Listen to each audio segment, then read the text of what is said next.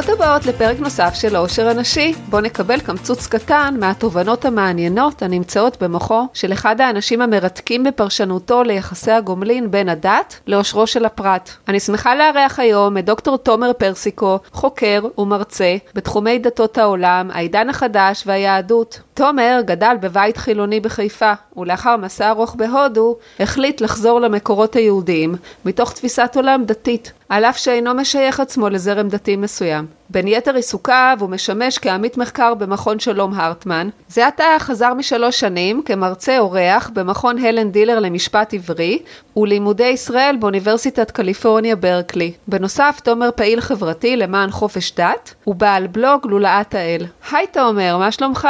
תודה רבה, יופי. תודה על ההזמנה. תודה רבה לך שהסכמת לבוא ולהסתכן בשאלות שונות ומשונות, ואולי אפילו בכמה האשמות כלפי היחס של הדת היהודית לנשים.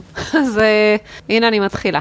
גדלת במשפחה חילונית בחיפה ועשית את שירותך הצבאי בגרעין הנחל. בתום שירותך הצבאי נסעת עם בני הגרעין לטיול במזרח. מה גילית בהודו? אה, וואו, בהודו גיליתי המון דברים, גם על תרבות אחרת ומקסימה, גם אנשים אה, מעניינים, אבל גם באמת, אה, תאר לעצמי שאת מתכוונת ל, בעצם למסע הרוחני שעברתי, אם אה, יסולח לי על הקלישאה. לשם אני חותרת. האמת שכאילו אמרתי לעצמי שאם אני כבר בהודו אני אבדוק את כל המדיטציות והאשרמים והיוגה והגורואים וכולי, והוכיח לעצמי שהכל שטויות. למה? אז יש בזה משהו, אתה לא התחברת? ככה חשבתי, חשבתי שזה הכל שטויות. אה, הבנתי. אבל באמת מסתבר שיש בזה משהו, יש פה ושם דברים ממשיים, דברים אמיתיים, דברים עמוקים, שמגלים מימד, אפשר לומר, אחר של המציאות, מימד אלוהי של המציאות, או רוחני, איך שלא נרצה לקרוא לזה, ובעצם מה ש...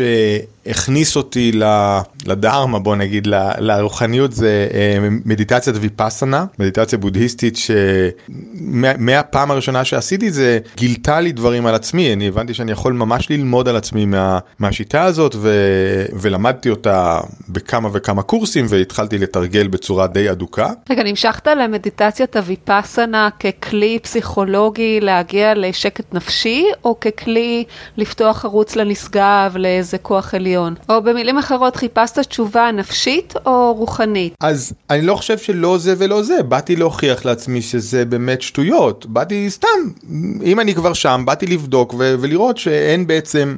יותר מדי מה לעשות מזה עניין, וגיליתי uh-huh. שכן יש פה עניין. בעצם גיליתי שאפשר לתפוס את העולם, להתבונן בעולם בשתי דרכים. הדרך האחת היא הדרך הרגילה, שאנחנו רגילים להסתכל על העולם, וזה שהעולם הוא מין uh, מחסן תלת מימדי של המון חפצים. Uh, יש אותי ויש אנשים אחרים ויש בתים ויש עצים ויש uh, שולחנות וכיסאות. זו דרך שמבדילה בין הדברים שאנחנו רואים מולנו ועושה סדר. אבל יש עוד דרך להסתכל בעולם וזאת דרך שבה רואים את כל המציאות כדבר אחד ואולי אפילו כדבר אחד חי. באופן הזה של ההתבוננות, כל דבר במציאות הוא כמו שהיינו מסתכלים על תמונה ורואים דמויות שונות ב...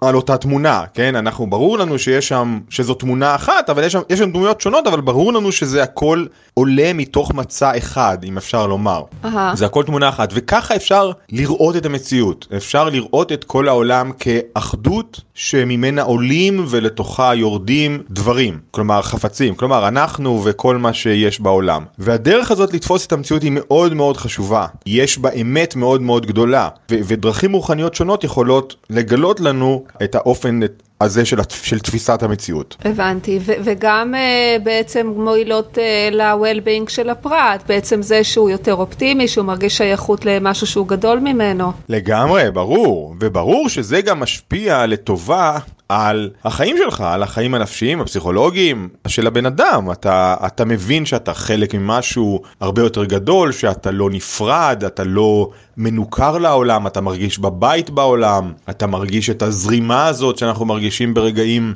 מאוד נעימים של uh, הצלחה או של משחק או של אלף ואחד uh, קטעים קטנים כאלה של מציאות שבה אנחנו פתאום הכל כזה הולך לנו. אז, אז בטח, הדרך הזאת של תפיסת המציאות היא מאוד חשובה ל-well-being שלנו. בספרך החדש והמרתק, אדם בצלם אלוהים, אתה נותן פרשנות מקורית שהשורשים של ההומניזם המערבי חלקו במסורות היהודיות וגם הנוצריות כמובן, שהדמוקרטיה והפמיניזם צריכים בעצם להגיד תודה לדת. עכשיו, אני התרשמתי, אני אגיד את זה אולי אה, בבוטות, שדיכוי האישה הוא, הוא בבסיס היהדות, הוא בבסיס רוב הדתות שאני מכירה, או שככה התרשמתי, או שזה הפירוש שנתנו לדת. אני טועה? אמ, במובן מסוים את לא טועה, אבל אני אסביר יותר מה, למה אני מתכוון, או אולי מה, מה הכוונה בספר שלי. קודם כל בוא נבין שלפני, עד לפני 300 שנה, לא היה משהו שלא היה חלק מהדת. כן? בעולם הנוצרי זה היה נצרות, בשביל היהודים זו הייתה יהדות, בהודו זה היה הינדואיזם לכל מיני זרמיו,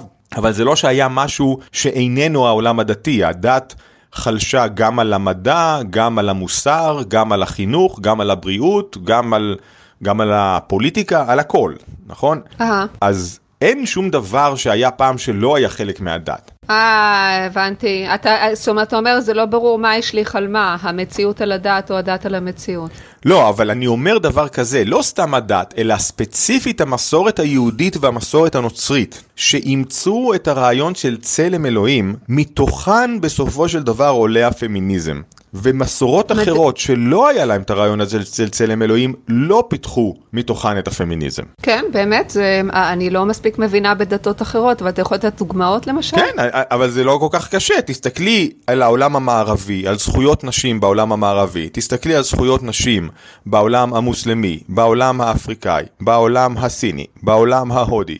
בכל עולם שאיננו מערבי, בעולם האבוריג'יני באוסטרליה, בעולם הנייטיב אמריקן באמריקה שלפני הגעת הבריטים או והצרפתים.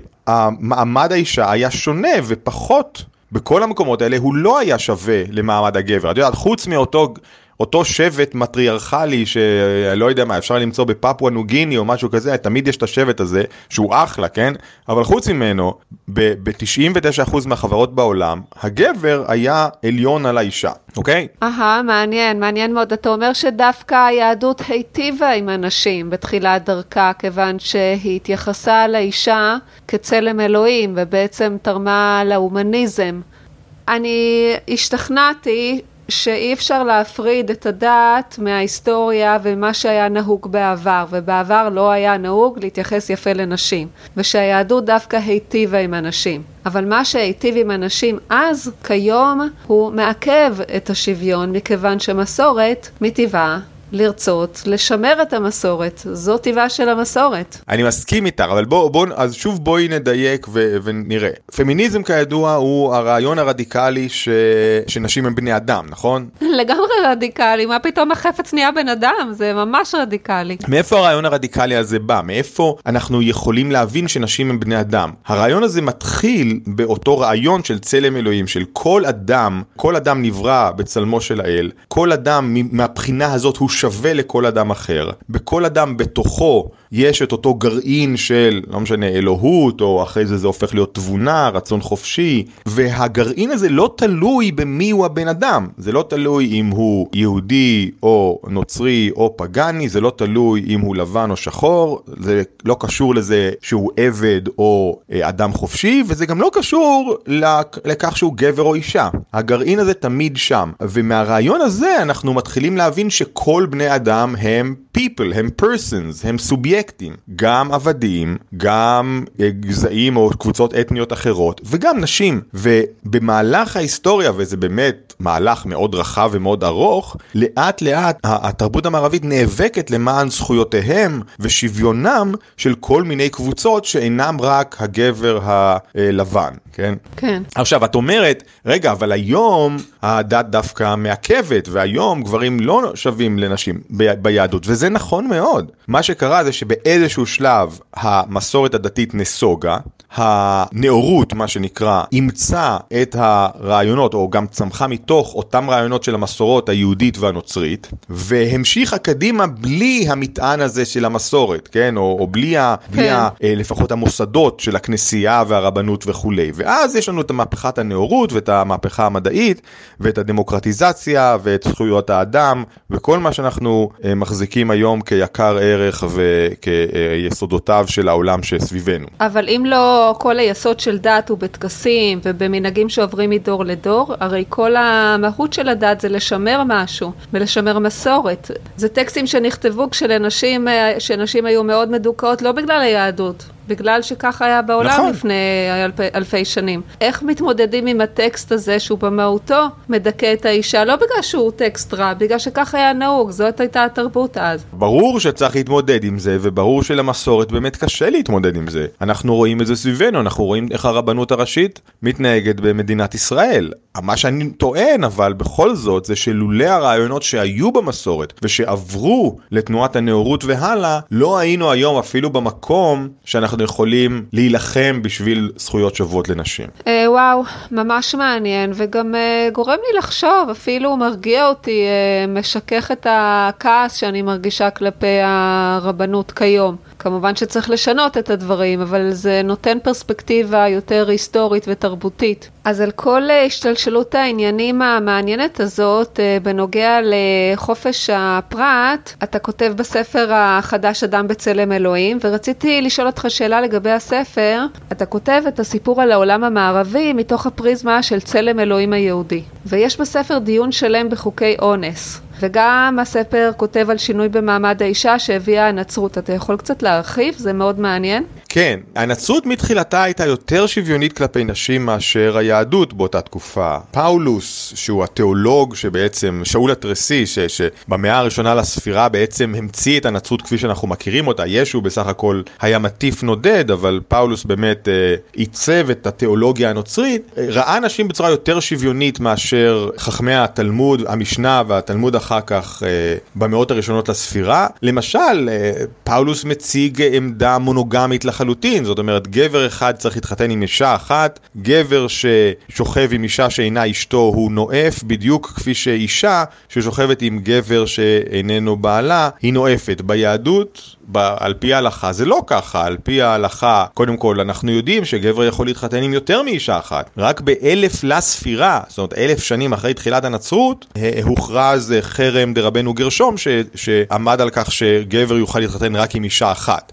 בגלל שזאת ההלכה, גבר ששוכב עם אישה שאיננה אשתו, אבל היא גם איננה אשתו של אף אחד אחר, פשוט שוכב עם איזה רווקה שאיננה אשתו, לא נואף על פי ההלכה. אבל אישה ששוכבת עם גבר, אישה נשואה ששוכבת עם גבר שרווק, שאיננו בעלה, היא כן נואפת. זאת אומרת, יש פה חוסר שוויון מאוד מאוד עמוק בהלכה בעצם מתחילתה, ו- ומונוגמיה הוכרזה רשמית ביהדות, אני לא טוען שהיו יותר מדי גברים עם פוליגמים או ביגמים לפני זה, אבל, אבל הייתה אפשרות כזאת, והיו, ורק באלף לספירה בעצם היהדות אימצה רשמית את המונוגמיה. בהחלט התפתחות שהנצרות הביאה לעולם, והיום אנחנו לוקחים אותה כמובן מאליו. וואו, ממש uh, מרתק. פרק נוסף מעניין ומטלטל מתוך הספר. הוא פרק שדן בחוקי האונס. אה, תוכל אה, לתת לנו הצצה קטנה, טעימה קטנה מתוך היחס האכזרי שהיה נהוג אז כלפי נשים. אז בספר אני מראה איך, איך התפיסה שלנו של אונס משתנה. למעשה אפשר לומר לצערנו ש, שבמקרא ו, ואפילו בתלמוד, אונס עצמו הוא לא חטא, אונס עצמו הוא לא משהו שראוי לעונש. על איזה מאות אנחנו מדברים ב... אנחנו מדברים מ-2000 אה, לפני הספירה או מ... אה, כן, אה, משהו כזה, עד אפילו, עד, עד ימי הביניים, עד אלף, אה, אפילו יותר אחרי הספירה, כן, 1500 ואפילו הלאה. ההלכה לא רואה באונס חטא בפני עצמו, ואפשר לקרוא את החוקים, את דיני המין והעריות במקרא. גבר נענש אם הוא כופה יחסי מין על אישה של גבר אחר, וגם אפילו על רווקה, אבל הוא לא נענש בגלל שהוא עשה משהו בניגוד לרצונה, הוא נענש בגלל שהוא חטא כלפי הגבר שהיא תחת תחת חסותו, אם זה בעלה, או אם זה אבא שלה, במקרה שזאת רווקה. בקיצור, לקח את הטויוטה של מישהו אחר בלי רשות, והחזיר לו אותה שרוטה. נכון, הוא, הוא עשה נזק, הוא עשה נזק בעצם ל, לסוג של רכוש שלו, כן? לא בדיוק רכוש, אבל סוג של. ומה שאנחנו רואים היום זה כמובן שונה לגמרי. היום האישה עצמה היא סובייקט משפטי בפני עצמה, היא לא של אף אחד אחר, היא עומדת בפני עצמה, והרצון שלה הוא זה שמכריע אם יחסי המין היו בסדר או היו... היו לא בסדר, אם קרה שם אונס או פשוט שני אנשים שכבו, שזה אחלה, כן? אז אנחנו צריכות בעצם להגיד תודה לפאולוס. פאולוס הוא ההתחלה של זה, בכל מקרה, הנצרות, כן, הנצרות מביאה אה, משהו שונה שמתפתח ומשתכלל, ש... ובסופו של דבר מגיע למה שהיום יש לנו של, של חוקי אונס מאוד מפותחים, ואפילו כמובן הטרדות מיניות כידוע. אז מה בעצם דחף את הדתות אה, למונוגמיה ולוותר על הפנטזיה הגברית האולטימטיבית אה, של כמה נשים? אני טוען שבגרעין העניין קיים רעיון צלם אלוהים שנותן לנו תפיסה שגברים ונשים בעומק הווייתם הם שווים, שיש לכולנו את אותו צלם אלוהים, את אותה נשמה אלוהית, את אותו רצון חופשי, שהוא מה שחשוב בנו, ומה שפחות חשוב בנו זה האם יש לנו אברי מין גבריים או אברי מין נשיים, גוף גברי או גוף נשי, ואם מה שבאמת חשוב זה, זה השוויון הפנימי שלנו, המהות השווה הפנימית שלנו, אז לא הגיוני שגבר יוכל לבגוד באשתו ואישה תיענש על כך שהיא בוגדת בבעלה. זאת אומרת, הדברים צריכים להיות שוויוניים, וזה מה שפאולוס באמת מכניס את השוויון הזה. תשתף אותנו בכמה מחוקי האונס אה, שהיו נהוגים פעם. הנה, תראי, אני, אני אקרא את אחד מהחוקים במקרא, אוקיי? כי ימצא איש נערה בתולה, אשר לא הורסה, כן? היא לא התארסה, היא לא מובטחת לגבר אחר, כלומר רווקה. ותפסה ושכב עמה, ונמצאו, זאת אומרת גילו את זה, כן? כן. ונתן האיש השוכב עמה לאבי הנערה חמישים כסף, ולא תהיה לאישה תחת אשר היא נעה. כלומר, הוא משלם לאבא של, של הבחורה שהוא שכב איתה, אגב, לא ברור אם הוא אנס אותה או... כאילו כתוב, ותפסה ושכב עמה. לא ברור אם זה בהסכמה או לא, כנראה לא בהסכמה. טוב, זה מה שאז באופנה, לא בהסכמה. אז הוא נותן לאבי הנערה, הוא נותן לו 50 כסף, כלומר 50 מטבעות כסף, ולא תהיה לו לאישה תחת אשר עינה. לא יוכל לשלחה כל ימיו. זאת אומרת, הוא חייב להתחתן עמה, איתה, והוא לא יכול לגרש אותה. אה, הוא צריך לשלם על הסחורה ולקחת אותה לשארית ימיו. והוא לא יכול להיפטר ממנה, כן? היא עכשיו שלו כן. כל החיים. הוא בעצם, בעצם מכריחים את הנערה המסכנה הזאת להתחתן עם האנס שלה, כן? כן. ולהישאר איתו כל החיים. עכשיו, מה ההיגיון בזה? מה ההיגיון הקדום בזה? אולי נכנסה להיריון ונאלצה להיות uh, תלויה בו שיביא אוכל הביתה, הפרנסה והגנה. או שהיא בהיריון, וסביר שהיא בהיריון, או גם אם היא לא בהיריון, היא כבר קשה מאוד יהיה לחתן אותה עם אף אחד אחר. אנשים לא רוצים נערה שאיננה בתולה כבר. סחורה משומשת. כן, משהו כזה, כן? קשה יהיה לחתן אותה, ונערה שלא התחתנה והיא בגירה, אבל אין לה מי ש... דואג לה, היא במצב מאוד קשה, בעצם היא, יכול להיות שהיא לא תוכל להתפרנס, כי רוב, רוב הפעמים הגבר עובד והאישה מגדלת את הילדים, אבל לה לא יהיו ילדים ולא יהיה עבודה ולא יהיה מי שיפרנס אותה. Aha. אז בגלל זה ההיגיון הוא לחתן אותה עם מי שאנס אותה, וגם לאסור עליו לגרש אותה, זאת אומרת הוא לא יכול להיפטר ממנה והוא חייב לפרנס אותה. עכשיו, זה מצב שכנראה היה הגיוני לאנשים לפני שלושת אלפים שנה, אבל ברור שהיום הוא מפלצתי לחלוטין ומטורף, ולא מתקבל על הדעת. אבל מה שחשוב לשים לב, זה שאין פה עונש על אונס. מה שיש כן. פה זה תשלום קנס לא לה, לא לנערה עצמה, אלא לאבא שלה, בגלל בעצם שהוא קלקל, קלקל את הסחורה, כן? כן, שזה הרכוש שלו, של האבא. נכון, ובעצם חתונה עם אותה נערה במצב שאנחנו יכולים להבין שאם הוא אנס אותה פעם אחת, הוא כנראה ימשיך לאנוס אותה כל החיים, בלי, בלי להתחשב בכך אם היא רוצה או לא רוצה לקיים איתו יחסי מין, ולמקרא הזה לא כל כך משנה, זה לא אכפת ש, שהוא, שפשוט גוזרים עליה חיים של אונס מתמשך. זה כאילו, אין, זה לא נחשב כשלעצמו בעיה. צריך לשים לב שהיום אנחנו חושבים על כל הדברים האלה בצורה שונה לגמרי, זה מזעזע אותנו בגלל שאנחנו חושבים על זה בצורה שונה, אנחנו חושבים על חיי אישה בצורה שונה, על רצונה בצורה שונה, על הסובייקטיביות שלה בצורה שונה. אנחנו חושבים שזה מזעזע בגלל שאנחנו חושבים שאישה צריכה להחליט עם מי היא מתחתנת, ובוודאי לא להתחתן עם מישהו שאנס אותה, והיא בוודאי צריכה גם לקבל פיצוי על זה שאנסו אותה, והוא צריך לקבל עונש, לא להתחתן איתה, אלא ממש לשבת בכלא, כן? אם הוא אונס כן. מישהי. אז אנחנו... עכשיו, והשאלה שאני שואל בספר, היא למה אנחנו חושבים על הדברים האלה בצורה שונה. למה פתאום, לא פתאום כמובן, אלא לאורך ההיסטוריה התפיסות שלנו השתנו, ואני טוען שזה השתנה גם בזכות אותו רעיון של צלם אלוהים שהתפתח לאורך ההיסטוריה. כן, זה אני מבינה. אני עדיין לא לגמרי מבינה מה המוטיבציה של הדתות להשאיר את האישה בבית כנועה? במה זה מקדם אותם כל כך? זה מקדם את חברת הגברים ומשאיר את הכוח בידם. אז אתה אומר שזה לא קשור לדת, זה קשור רק לעניין של כוח. כן, זה קשור לפטריארכיה, זה, פטריארכיה הייתה, התבטאה גם בחוקים דתיים, אבל זה קודם כל פשוט כי גברים שלטו על נשים, גם ב... גם בחברות של ציידים לקטים, הגבר היה החזק והמחרים, והמחליט. אוקיי, okay, אז חלפו עברו להם כמה אלפי שנים, והנה אנחנו כאן בשנת 2021, ונולדו להם כל מיני יצורי כלאיים שמנסים לשלב בין הצווים הקדומים לחיים המודרניים.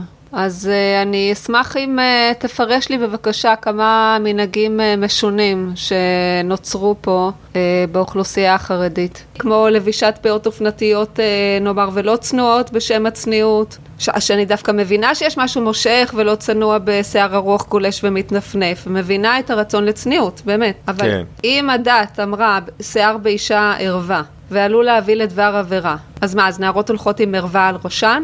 כאלה שעדיין לא התחתנו? ברור שיש פה משהו אבסורדי ודי מגוחך, אבל אני אגיד שני דברים על זה. קודם כל, שמסורת דתית יש בה דברים אבסורדים ומגוחכים. אנחנו לא צריכים, זאת אומרת, אנחנו צריכים להיות מופתעים מכך שזה המצב. יש לנו אמונות הרי, הרי הנוצרים מאמינים בשילוש הקדוש, כן? איך זה יכול להיות ששלושה דברים הם אחד ואחד הוא שלושה? אוקיי, יש לנו פה משהו די אבסורדי. אז צריך להגיד עוד משהו, וזה שכשתנועת הנאורות מתעוררת, אנחנו מדברים על סוף המאה ה-18, תחילת המאה ה-19, הדת בעצם מאבדת את מקומה המרכזי כ... אה, כסמכות העליונה לכל דבר, כפי שאמרנו קודם, לאמת, למוסר, אה, לבריאות, לחינוך, לכל דבר. והדת נכנסת בעצם לסוג של אה, אה, הלם קרב, לשוק, ונסוגה אחורה ומתבצרת בכל מיני עמדות, ונעשית הרבה יותר קשוחה ובלתי גמישה. היא הייתה בעבר יותר גמישה והיא הייתה, ידעה יותר להשתנות ו, וזה השתנה לצערנו, היא נסוגה מהגמישות שהייתה לה בגלל הטראומה הזאת של תהליך החילון. ואולי בגלל שהיא מרגישה יותר מאוימת? בהחלט, היא מאוימת מאוד מתהליך החילון ומהעובדה שאנשים לא חייבים להיות דתיים היום. אין לה כבר מונופול על הידע, אין לה מונופול על המוסר, כל הדברים האלה גרמו לה לאיזושהי טראומה. אז גם הרבה מהדברים המגוחכים שאנחנו רואים היום הם קצת תוצאה של, של הדת בעידן המודרני שיש לה הרבה פחות כוח ולכן היא נוהגת לעשות דברים קצת יותר טיפשיים, לפעמים אגב גם לנסות להשתלט על המדינה כמו במקרה של איראן או סעודיה שזה באמת אף פעם לא נגמר טוב כפי שאנחנו רואים. ניהלתי לאחרונה שיחה עם חרדי בנושא טלפונים אה, כשרים, אה, טלפון כשר למי שעדיין לא יודעת, זה לא טלפון אה, שהוא בשרי או חלבי או שהוא עם אבקת חלב נוכרי, זה טלפון שלא מקבל אס.אם.אס. על טלפון חכם עם אינטרנט אין בכלל על מה לדבר, כן? זה אבי אבות הטומאה. אני מדברת בסך הכל על טלפון הכי פושטי שיש, בלי תמונה, בלי כלום. שה-SMS הוא זה שמהווה את הסכנה לכשרות. מה שמקשה על כל ההתנהלות בעולם המודרני. אני מבינה שהאינטרנט מלא בדברים שהס מלהזכירם ובזוועות עולם שגם אני לא מעוניינת לראות אותם. אבל אני שאלתי אותו, איפה האחריות של הבן אדם כלפי התכנים שהוא צורך? בן אדם צריך להיות אחראי למעשים שלו.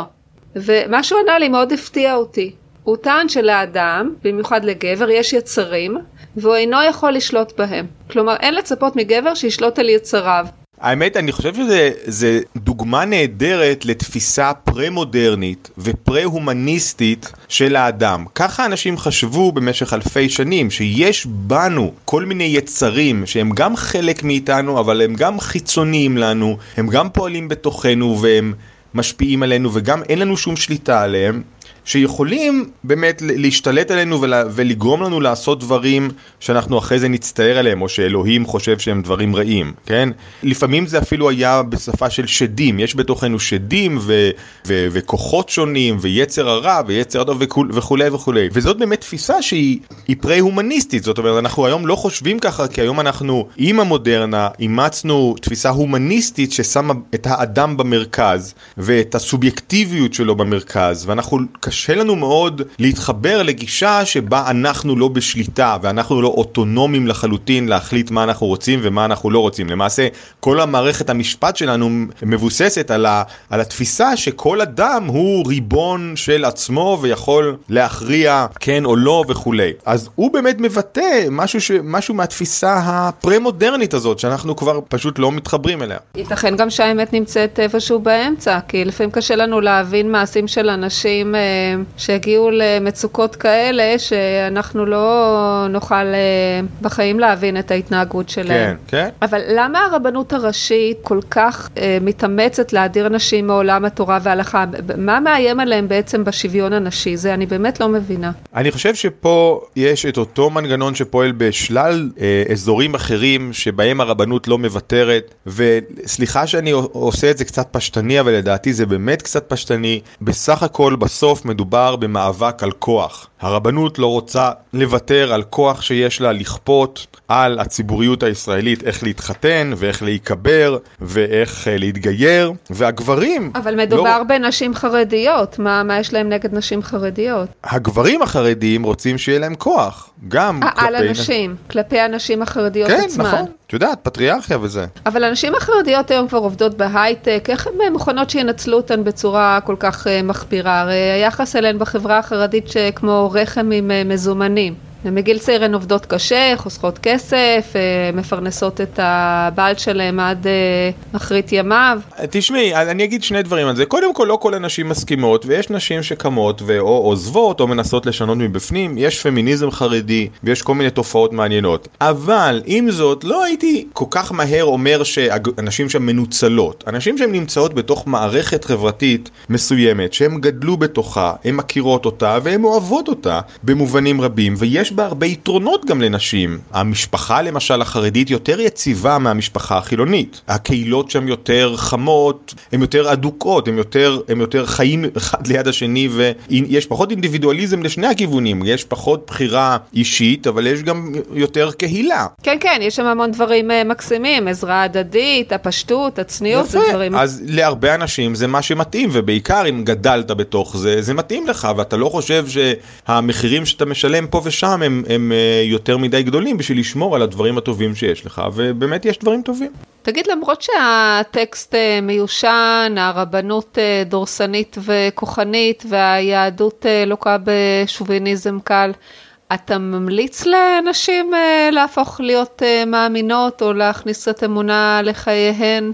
כי הרי יש הרבה מחקרים שמראים שיש קשר בין רמת העושר לאמונה. אני חושב שמחקרים מראים שכן, אנשים מאמינים הם קצת יותר רגועים, אבל, או, או, או, קצת יותר מרגישים טוב עם עצמם, אבל האמת היא שאני לא, בגלל, אני לא אמליץ לאנשים להאמין במשהו בגלל זה, ואני בכלל לא כל כך בעד אמונה באופן כללי. אני לא רואה את עצמי כאדם מאמין, אלא רואה את עצמי כאדם ש, שהולך לקראת ושנמצא בקשר ובמערכת יחסים אינטימית עם האלוהות שבעולם. וזה מה שאני חושב שאנשים צריכים לשאוף אליו, לא להאמין במשהו, אלא, אלא לקשור קשר, לדעת את השם, אה, כמו שאומרים. בכל מקרה, אין לי שום עניין להחזיר אף אחד בתשובה, או לשכנע אף אחד אה, שכדאי לו להאמין בזה או בזה. אבל אתה בחרת ביהדות, לא באופן כללי. נכון, אני בחרתי ביהדות כי זאת המסורת שגדלתי בתוכה, זאת המסורת של העם שלי, זאת המסורת, היא, היא גם מסורת יפהפייה לדעתי מלאה חוכמה. עם זאת, אני לא מתעלם ממסורות אחרות, ואין לי שום דבר נגד... uh, ההינדואיזם והבודהיזם וה, וגם הנצרות והאסלאם, אני לומד מ, מהמסורות האלה, אני לא מגביל את עצמי בפתיחת האופקים ובלימוד ובאימוץ גם, אני עדיין מתרגל מדיטציה בודהיסטית ואני חושב שזה דבר נהדר, כך שזה שאני יהודי ואני חלק מהמסורת היהודית, אני יהודי מסורתי ואני יהודי דתי והדברים האלה חשובים לי, זה לא אומר ש, ש, שסגרתי את עצמי בפני uh, תופעות דתיות אחרות. לספרך הראשון קראת בשם המסקרן מדיטציה יהודית, התפתחותן של תרגולות רוחניות ביהדות זמננו. ולמרות שאני לא בטוחה שיש קשר למעמד האישה, אני לא יכולה שלא להתאפק ולשאול, מדיטציה יהודית? מה הקשר בין מדיטציה ליהדות? אז זאת השאלה שניסיתי לענות עליה בספר, ובאמת אה, במבט ראשון קשה למצוא קשר. קל למצוא אה, מה מקומה של המדיטציה במסורת הבודהיסטית, קל למצוא את מקומה של המדיטציה בהינדואיזם, בהודו, ו- ולא קל למצוא את המדיטציה ביהדות, ובאמת המדיטציה, התרגולים המדיטטיביים ביהדות היו תמיד בפריפריה, ב- במעגל השלישי והרביעי נגיד, לא במרכז. במרכז הייתה ההלכה, ובמרכז הייתה האגדה והלימוד התורה. והקהילה, היו כל מיני דברים אחרים במרכז. אבל אחרי שאמרנו את כל זה, האם היה, הייתה מדיטציה ביהדות? כן, בכל דור הי, היו יהודים שעשו מדיטציה, היו יהודים שפיתחו פיתחו טכניקות מדיטטיביות, וחלק מהן מאוד מעניינות ומאוד יפות, ועל כך כתבתי בספר. אתה לא מדבר על הנדנודים האלה ועל התפילה המאוד עמוקה, אה, כמו שאנחנו רואים שחרדים אוקיי. לפעמים מתפללים, נכון? אתה זה... מדבר על אה, משהו אחר? גם תפילה יכולה להיות מדיטציה, אבל בואו באמת ננסה להגדיר מהי מדיטציה. אני מגדיר במדיטציה בספר כשינוי התודעתי היזום שמבצע האדם לטובת מטרה או לטובת אה, מצב תודעתי שמבחינתו הוא גאולי, מה שנקרא סוטריולוגי בשפת המחקר, או תרפויטי. סליחה לבורות, מה זה אומר סוטריולוגי? זה גאולי, יש כאילו מצב שגואל אותך ממשהו, כן? סוטריולוגי, אוקיי, למדנו. עכשיו, אם אנחנו, אם זאת ההגדרה שלנו, היא, היא בעצם מאוד רחבה, כי היא כוללת גם ישיבה ברגליים מסוכלות ונשימה דרך האף, והתבוננות בנשימה, אבל היא כוללת גם ריקוד. מיקוד לכל אה, תופים אה, קצבי, היא כוללת גם אה, הלקאה עצמית עד זוב דם, היא כוללת גם הייפרוונטילציה, היא כוללת למעשה, אפשר להגיד גם שימוש בסמים למיניהם, היא כוללת הרבה דברים שהם פעולות יזומות למען שינוי תודעתי בעל משמעות סוטריולוגית או תרפויטית. אה, וביהדות היו כל מיני דברים, גם תפילה יכולה להיות דבר כזה, וגם כל מיני תרגילים קבליים של אה, צירופי אותיות ושמות של האל בצורה מנטלית, וגם אה, דמיון מודרך לסוגיו, גם מלמול מנטרות יהודיות כמובן. כך שיש הרבה מאוד טכניקות מדיטטיביות. והטכניקות האלה לדעתך הן uh, בעצם משחררות משהו בחשיבה מבפנים, מבחינת הנפש, או שהן פותחות אותנו לערוץ uh, שהוא uh, נשגב מאיתנו? זאת שאלה מצוינת, זאת שאלה מצוינת כי היא עומדת בעצם על השאלה הבאה, האם כל הטכניקות המדיטטיביות בעצם מובילות לאותו מקום שהוא המקום המזרחי, כלומר המזרח הרחוק, סיני, הודי, של איזושהי נירוונה, איזשהו שחרור מהעצמי, איזושהי התאחדות עם העולם, או שיש טכניקות מדיטטיביות אחרות ותורות מיסטיות אחרות שמובילות למקום אחר, למשל, למה שביהדות ייקרא נבואה, כן? זאת אומרת, קבלת מסרים מלמעלה, או למשל איזשהו חיבור עם האלוהות הטרנסצנדנטית. כן, אה, חיבור לכוח עליון. נכון, שזה לא אה, נירוונה, זה משהו אחר, כן? ואני חושב שהתשובה השנייה היא נכונה, אה, למרות שיש חוויות מיסטיות דומות ואפילו, אולי אפילו זהות בין מסורות שונות, לא כל החוויות המיסטיות הן זהות, ואפשר בהחלט להבחין בטיפוסים שונים של חוויה מיסטית, בז'אנרים שונים של חוויה מיסטית. האחד הוא הז'אנר האחדותי, אבל כפי שאני כותב בספר, יש עוד חוויות מיסטיות, למשל חוויה מיסטית של ריכוז מאוד מאוד עמוק, או חוויה מיסטית של, אה, של טראנס. שבתוכה אתה יכול לדבר עם איזושהי ישות אחרת, או, או לראות מחזה מרהיב, חיזיון כלשהו. בבודהיזם הכוונה להגיע להתעלות נפשית או לאיזה נירוונה שהיא פנימית, או שזה בעצם אה, כן לפתוח ערוץ לכוח עליון? לא, אז בבודהיזם זה משהו פנימי, אתה פשוט... אה, רק מב... פנימי, בסדר, אני לא... מבין שהעצמי שלך הוא אשליה, והשתחררת ממעגל הלידות והמיטה והלידות. כן, זה משהו אחר. הבנתי, ואתה עצמך מאמין שנפתח נפתח ערוץ לנשגב, או שבעצם החוויה הוא עילוי אה, ורוממות נפש? אני מאמין שיש נשגב, האמת זה קצת מסובך, אה, אני חושב שאפשר לפתוח ערוץ לנשגב, אבל אני כן גם מקבל את התפיסה הבודהיסטית שבשופ... שבסופו של דבר האדם צריך להתבונן לתוך עצמו ולהבין שהעצמיות שלו איננה מה שהוא חשב, בוא נגיד ככה ב... בצורה עדינה, שהיא קצת אשלייתית. מאוד מעניין. אני אגיד לך את האמת, אני עכשיו חלוקה בדעתי. אני אספתי פה המון אה, ציטוטים, חלקם זוועתיים יותר וחלקם זוועתיים פחות, על אה, כל מיני ציטוטים של הרמב"ם וחז"ל, שמדברים כן. על נשים בתור אה, שפחות מין, אה, במקרה הטוב. כן. קצת פקחת את עיניי בזה שהבנתי שהיהדות עידנה דברים שבלאו הכי היו די נוראים מהיחס לנשים, כלומר, כן. עצם זה שנכתבו חוקים בעניין זה כבר איזושהי התפתחות מג'ונגל ש- שהזכר היה שליט ולא היה שום דבר, ש- שום גוף שיפקח על הנשים. עצם זה שהם טרחו וכתבו חוקים זה כבר נחמד מצידם. לא, אני אשמח לשמוע, אני, אני רק אגיד, אני לא הולך כאילו להגן על כל מיני ציטוטים נוראיים שיש במסורת היהודית, כי יש, יש ציטוטים נוראיים על נשים, יש ציטוטים נוראיים על לא יהודים, על גויים מה שנקרא, יש כל מיני דברים באמת לא, לא סימפטיים ושליליים מבחינה מוסרית, שלדעתי צריך לעבור הלאה, אז אם מישהו חושב שהדברים האלה הם אמת אלוהית היום, הוא גם טועה וגם עושה נזק. ו... דווקא כן אפשר להתייחס על זה. או רצוי להתייחס לזה גם, לא רק, אבל גם בקונטקסט ההיסטורי. נכון. אה, ולהבין שזה לא היה דווקא מרצון להרע את מצבן, אלא אולי להיטיב עימן. נכון, זה הכל תלוי בזמן ובהקשר. היו דברים שבהם היהדות הייתה יותר מתקדמת מהתרבויות שסביבה, אה, ועם זאת, היום אנחנו חיים בעולם שהוא יותר מתקדם ממה שהיהדות הייתה, וזה ברור, ואנחנו לא הולכים לחזור אחורה. אז אה, מתוך הראייה הזאת, אני כן אקריא כמה ציטוטים. שאני לא אפנה אצבע מאשימה כמו שרציתי, אלא פשוט נבחן אותם, אפילו אולי קצת בהומור, מתוך הבנה שמי שאמר אותם חי אה, בתוך אה, חברה שהתייחסה לנשים אה, בצורה אחרת ממה שאנחנו רגילים היום. אז ככה, הרמב"ם אישר קיום יחסי מין עם ילדות בנות שלוש, כך קראתי. אה, אני מצטטת, אם הייתה כן. אישה פחותה מזה, זה גיל שלוש, הרי שניהן פטורין, שאין ביאתה ביאה. זה נכון, ההלכה לכאורה מכשירה פדופיליה, זה לא רק הרמב"ם, זה ממש ההלכה, וברור שזה זוועה, ומי שחושב שזה דבר השם, אז uh, אני חושב שהוא uh, מאוד מאוד טועה, בלשון המעטה. ברור שזה מגיע מתקופה אחרת, שמעמד האישה הובן אחרת, שהילדות הובנה אחרת, שהסובייקטיביות האנושית הובנה אחרת, שמעמד האדם כסובייקט משפטי ולא משפטי הובן אחרת. הכל הכל בזה שונה לחלוטין, ו, ואם חושבים ש, שזה נכון היום, אז עושים אה, עוול גם, גם למסורת וגם לעצמנו. אה, על פי הרמב"ם, אה, לא ראוי שאישה תהיה מחוץ לבית, ולכן על הבעל לכלוא את אשתו ולא לתת לה לצאת יותר מפעם בחודש. אני מצטטת. כן. גנאי הוא לאישה שתהיה יוצאת תמיד פעם בחוץ, פעם ברחובות, ויש לה בעל למנוע מאשתו מזה, ולא יניחה לצאת אלא כמו פעם אחת בחודש או פעמיים בחודש, כפי הצורך שאין יופי לאישה אלא לישב בזווית ביתה. כן.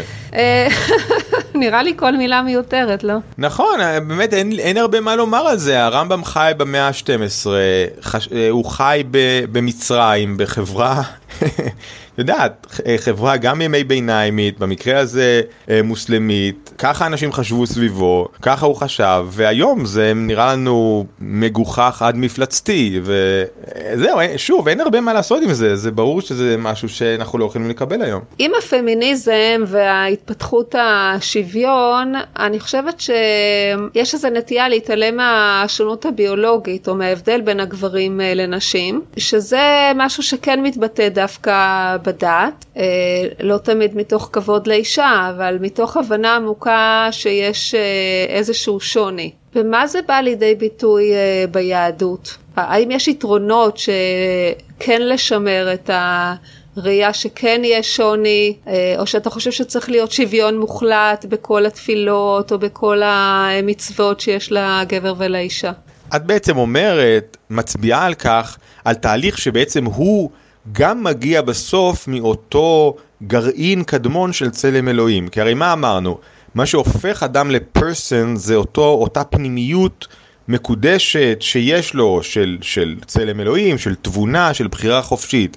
ואם הולכים עם זה עד לקצה ההגיוני של זה, מגיעים למקום שבו באמת אין שום הבדל, באמת החיצוניות שלנו לא חשובה בכלל, לא רק שהיא לא חשובה לצורך אה, המעמד החוקי שלנו והמעמד המוסרי שלנו ואנחנו כולנו שווים גם אם לי יש גוף של גבר ולמישהי יש גוף של אישה זה לא משנה אלא אנחנו הולכים עוד צעד קדימה ואומרים שהגוף בכלל לא משנה לשום דבר לכל הכרעה בעולם, וכל מה שחשוב זה רק ההכרעה הפנימית שלי, זה רק הרצון שלי, זה רק הרגשות שלי, ואז אנחנו מגיעים למקום שאנחנו גם מתעלמים מהבדלים שבכל זאת קיימים, שנשים בכל זאת יכולות ללדת וגברים לא, שלגברים בכל זאת יש טסטוסטרון אה, ולנשים פחות, ולכן יש להם גוף שונה ורמת ציעור שונה וכולי. ומוח שונה. וגם מוח שונה, ולכן, ובנקודה הזאת, את אומרת שהמסורות בכל זאת שומרות על איזשהו,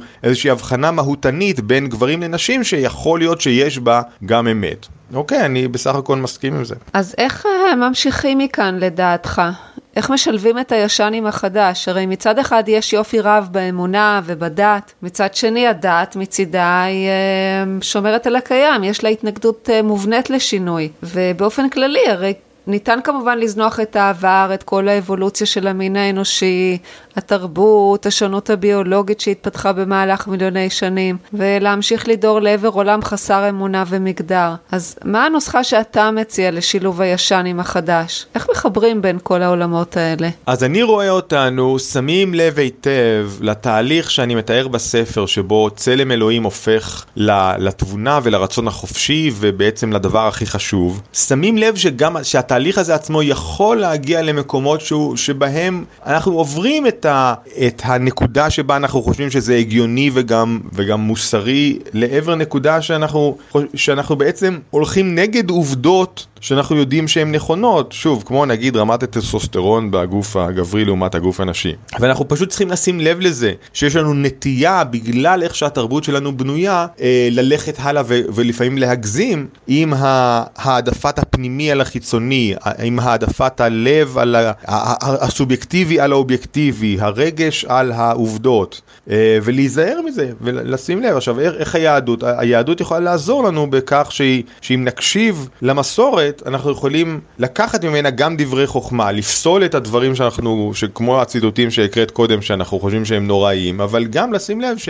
כן, יש לי עוד 20 כאלה זוועתיים, כן, אבל אני שומרת אותם להזדמנות אחרת. אבל גם לשים לב שיש במסורת בכל זאת אה, נקודות שבהן היא עומדת על דברים חשובים ואמיתיים. אה, אני מסכימה, אני מסכימה מאוד. אז אה, טוב, עם האמירה המקסימה הזאת, נראה לי אה, נחתום את פודקאסטנו המקסים והמעניין. נהדר. לי היה מאוד מעניין. אז תודה רבה, תומר. תודה רבה, מאיה, ממש תודה על ההזמנה ושמחתי מאוד. ביי. ביי ביי. עד כאן פרק נוסף של העושר הנשי. מזכירה לכל מאזינותינו ביוטיוב, לא לשכוח ללחוץ על כפתור ההרשמה למנוי שנמצא מתחת לסרטון משמאל בצבע אדום. גם לייק יתקבל בברכה. ספרו של תומר, אדם בצלם אלוהים, הרעיון ששינה את העולם ואת היהדות, נמצא בחנויות, ומגיש לקוראות את הסיפור על העולם המערבי מתוך הפריזמה של צלם אלוהים היהודי, מומלץ בחום. אז להתראות בפרק הבא של העושר הנשי. כל טוב לכולכן והרבה הרבה הרבה בריאות. ביי!